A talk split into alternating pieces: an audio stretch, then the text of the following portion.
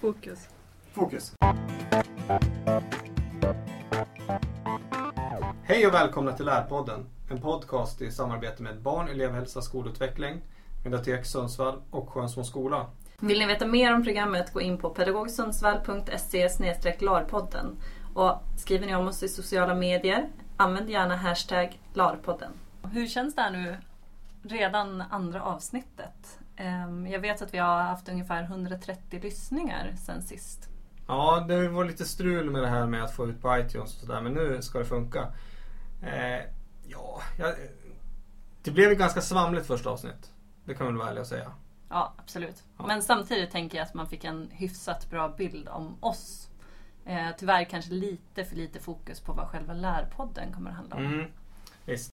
Idag så kommer vi att prata ganska mycket om olika digitala satsningar inom Sundsvalls kommun. Eh, vi har ju varit runt till några olika skolor och även till Katarina Eriksson på Sundsvalls kommun. Mm, lite strategen våran, precis. Ja, orsaken att vi ville göra det här programmet är väl lite grann för att vi vill visa att det finns väldigt många olika vägar att gå i den digitala satsningen. Ehm, eller hur? Ja, exakt. Det har varit min tanke också. Mm. Tur att vi tänker lika där. Ja. Eh, Okej, vilka skolor har vi varit till? Ska vi göra så att du berättar vilka skolor du har varit på och så Ja. tar jag vilka jag har varit på. Så kan vi göra. Jag har varit eh, på tre ställen. Och Kyrkman var det första. Eller jag, jag var inte på Kyrkman. Jag träffade Helene Oskarsson från Kyrkman och pratat med henne.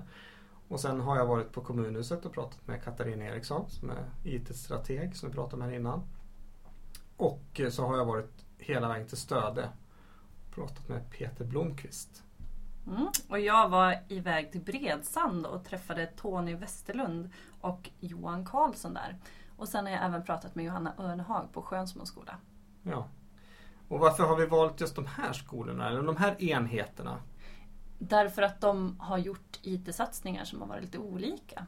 Ehm, det finns ju väldigt många fler skolor, eh, som till exempel Ankarsvik, men även många, många fler, som har gjort väldigt stora framsteg och gjort väldigt intressanta digitala satsningar.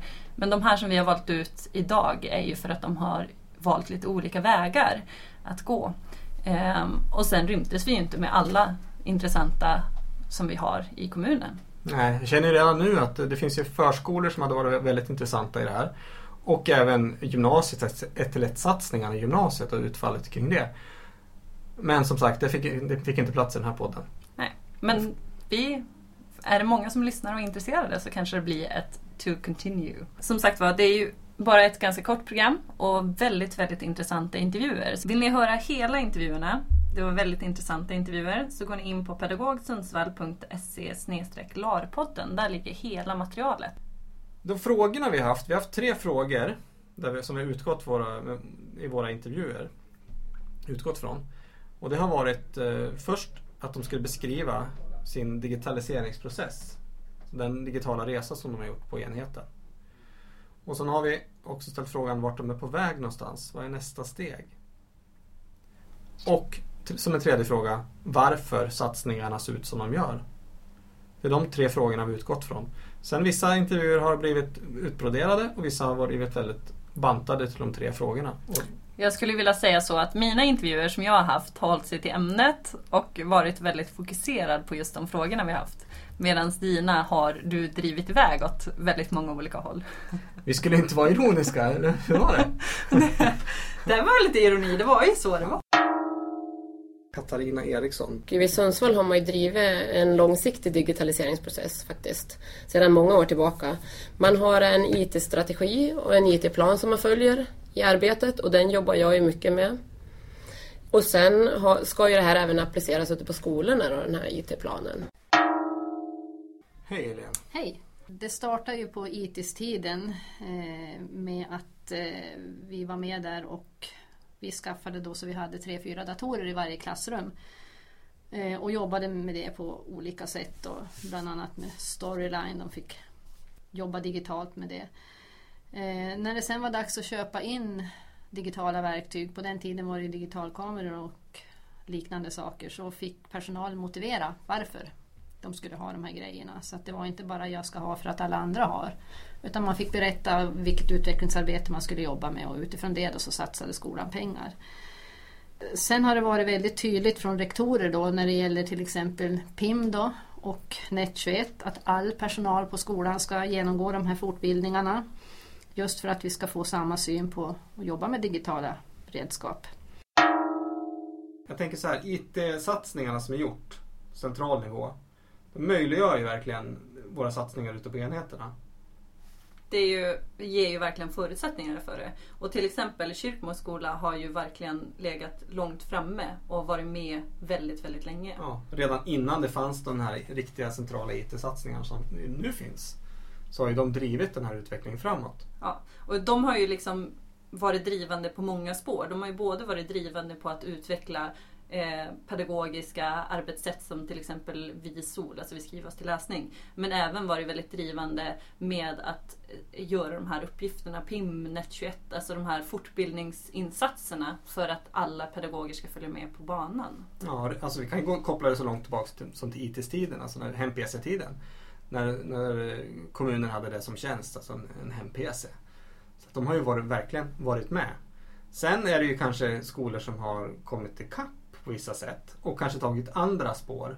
Mm. Och det skulle jag vilja säga till stor del kan bero på de här som har vågat gå i förväg, vågat gå i bräschen för det hela. Som har öppnat upp en möjlighet för andra att våga satsa. Ja, visst. Så det, det, är, det är två viktiga pjäser där. Sen skulle jag inte säga att, eh, att det kanske är de som har, äger kommunens digitalisering utan det kanske är hela samhället i stort. Och Sundsvalls kommun som kommun är ju en IT-kommun. Alltså det har ju skapat förutsättningar på många nivåer för den här digitaliseringen som vi upplever idag. Mm, absolut. Vart är ni på väg? Just det vi har mycket på skolan det är ju att vi använder oss av Apple TV. Mm. För att eh, de funkar så bra med iPads och man kan spegla iPaden mot whiteboarden. Och vilket gör att whiteboarden ägs ju av alla i klassrummet. Eh, eleverna har liksom samma rätt till whiteboarden precis som pedagogen. Och eh, med det sättet då så eh, finner man ju stöd i forskning kring det här med en effektiv återkoppling med de fem nyckelstrategierna som Dylan William bland annat nämner då om att sträva efter tydliga lärandemål. Mm synligt lärande, effektiv återkoppling och få eleverna som resurser till varandra. Och i och med det här så kan man ju också få dem att få ett ansvar för sitt lärande. Liksom. Mm. Och med hjälp eh, av den här tekniken då att eh, hela tiden kunna använda iPaden som en dokumentkamera när de jobbar med analoga saker. Mm. Så öppnar man ju upp det här elever som resurser på ett helt annat sätt. Mm. kompisen behöver inte ens flytta sig från sin plats utan allt arbete som ligger vid kompisens plats kommer upp på whiteboarden. Mm. Och det är ju en fin grund för att skapa ett samtal i klassrummet. Mm. Och eleverna blir resurser till varandra. Mm. Och eh, det är vi ju, eh, dit har vi kommit idag. Vi jobbade med Googles tjänster under ett år i fjol. Alltså fjol, förra läsåret. Där vi var jättenoga med att vi hade inga vi bedömde inga elever på deras tjänster och vi, vi skrev bara tankar framåt. Vi blandade aldrig in någon namn eller någonting sånt. Utan vi, vi fokuserade på hur kan individen, den som har skrivit den här texten, bli ännu bättre. Och när vi hade testat det och vi i februari gick med på, fick tag på nätet Eduroom. Så började det öppnas enorma möjligheter till att se nu kanske vi ännu mer kan använda elevernas mobiltelefoner. För nu behöver vi inte tänka på något på något nät. Nu har vi nät. Eh, I samma veva så lyssnade vi omkring vad finns det för enheter. Vi fick nys om att i Sollefteå kommun har man något som heter Chromebooks. Net21 började titta på det. Och sen gick det fruktansvärt fort till att vi att jag lobbade stenhårt för att inte vi kunde testa det här i Sundsvalls kommun. Och vips så hade vi 22 stycken enheter här i början av, strax efter påsklovet. Och där började vi då en resa. Sen, sen såg jag ganska fort att det här är ju, det här är ju enheter då, Chromebooks, som tar ungefär tre sekunder att starta igång. Och här har vi suttit med enheter där det i snitt under vårterminen 16 på större skola tog ungefär 7 minuter att komma igång. Eh, det innebär ju att vi tjänar ju en 6,5 minut, eller 6 minuter och 45 sekunder minst per er elev och enhet. Vilket är en enorm tidsvinst. Eh, när vi börjar titta på vad det här var för prisbild eh, så är det ju även där en gigantisk skillnad. För den här Chromeboxen ska ju vara, för den är ju mycket, mycket billigare än en PC. Så vi har ju räknat på att den ska vara en, ja, en 15 gånger sämre för att det ska vara lika bra. Och den är ju sjukt mycket bättre. För en Chromebox innehåller ingenting. Därför kan den vara bra. Det är en skärm och ett tangentbord. Resten är ju bara att vi måste ha ett nät som funkar. Eh, Och har vi det så är det här en världens grej. Hur känner du nu efter att du har varit och intervjuat Peter? Ja, Stöd är ju en skola som eh, verkligen är på tårna. Som har en ganska ny digitaliseringsprocess egentligen. Det är ju 2011 de påbörjade sin, sin resa egentligen. Och det, det är ju en skola med kanske lite speciella förutsättningar. Landsbygd och sådär.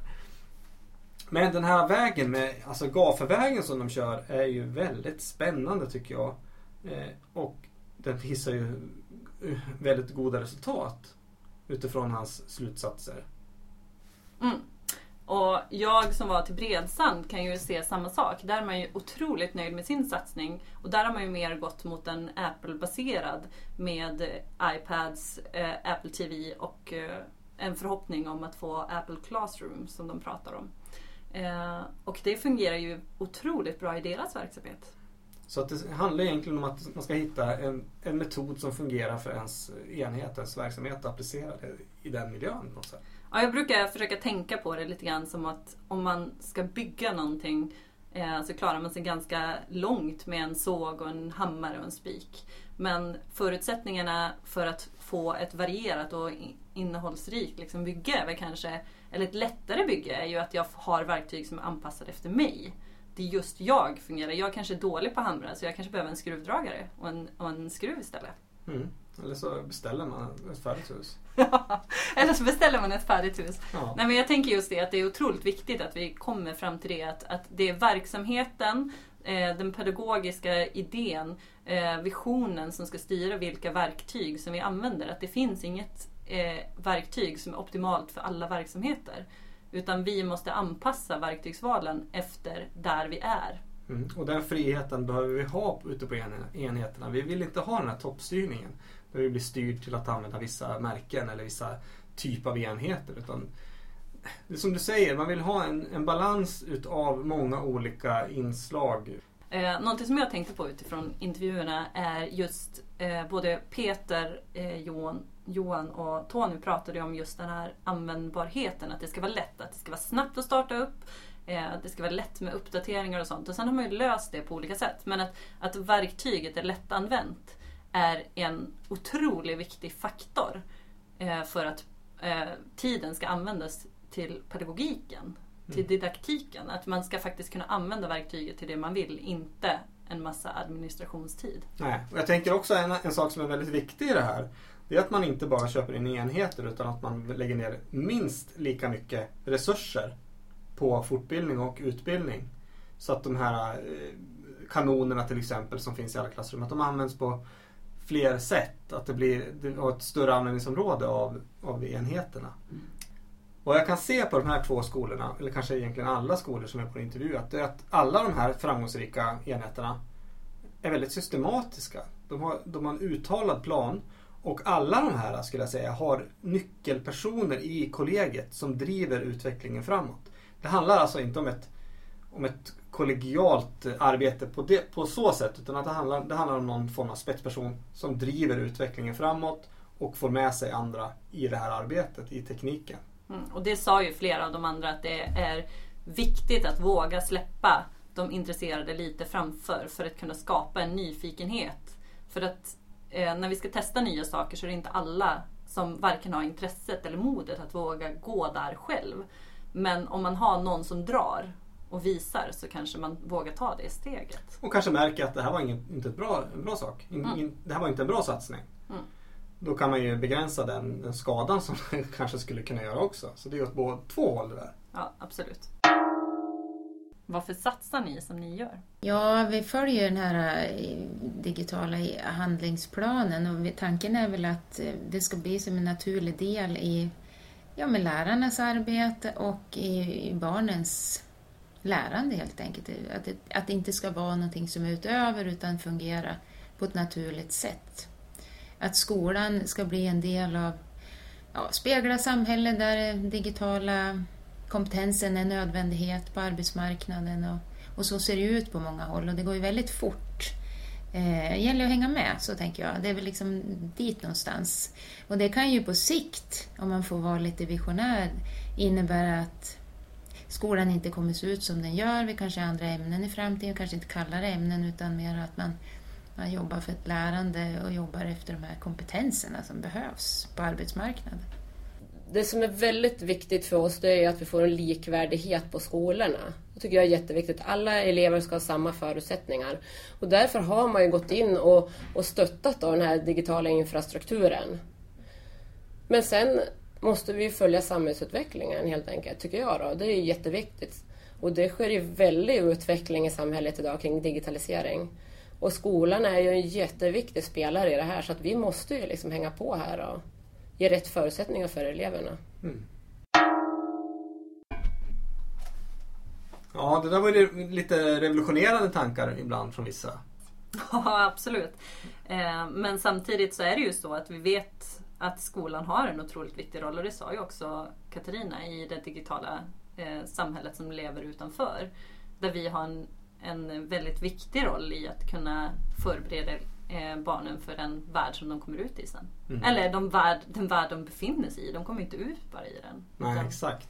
Jag, jag, tänker att jag hoppas att vi snart kommer till det läge där vi inte pratar digitalisering utan där vi pratar digitalisering som en del i samhällsbyggnad eller som en del i utbildning eller vad du än vill. Att det blir liksom ett, ett naturligt element. Och eh, skolan är ju, är ju en del i samhället och det är kanske är någonting som ska leda samhället egentligen. Så vi ska inte spegla kanske utan vi kanske ska visa samhället vart vi är på väg. Eller vart vi vill vara. För jag tänker i många andra delar när det gäller att, att skapa eh, en eh, demokratiskt förhållningssätt hos våra elever. Där vill ju vi leda samhället mot en riktning som vi tror på. Mm. Ett demokratiskt samhälle. Och det är kanske så vi ska tänka med det digitala också. Att vi i skolan ska visa vägen för vart vi vill, hur vi vill att världen ska se ut. Mm. Jag tänker så här att vi i det samhälle vi lever i, vi lever i någonting, något postanalogt samhälle där vi är på väg in att bli helt digitaliserade. Fast vi har ju fortfarande ett mindset som är väldigt analogt där vi försöker göra digitala processer av någonting som är analogt. Man kan ta ett exempel att man, man gör en lärobok och så tänker man att nu ska vi göra den här digital och så gör man exakt samma sak som det finns i den tryckta boken fast den är en online-version. Det är ett, tycker jag, ett analogt mindset som man försöker digitalisera. Vi behöver komma till det läget och det, dit kommer vi komma, jag är övertygad om det. Det är, bara, det, det är bara en tidsfråga. Där digital blir default på något sätt. Att det, det är det som är normen. Där vi, där vi gör de här sakerna på digitala plattformar först. Och sen kan man applicera det in i en analog miljö på något sätt. Vad kan vi se från de här intervjuerna? Kan vi se något, eh, något mönster i det här? det jag tycker att vi kan se är ju att, att man kan göra väldigt olika digitala satsningar.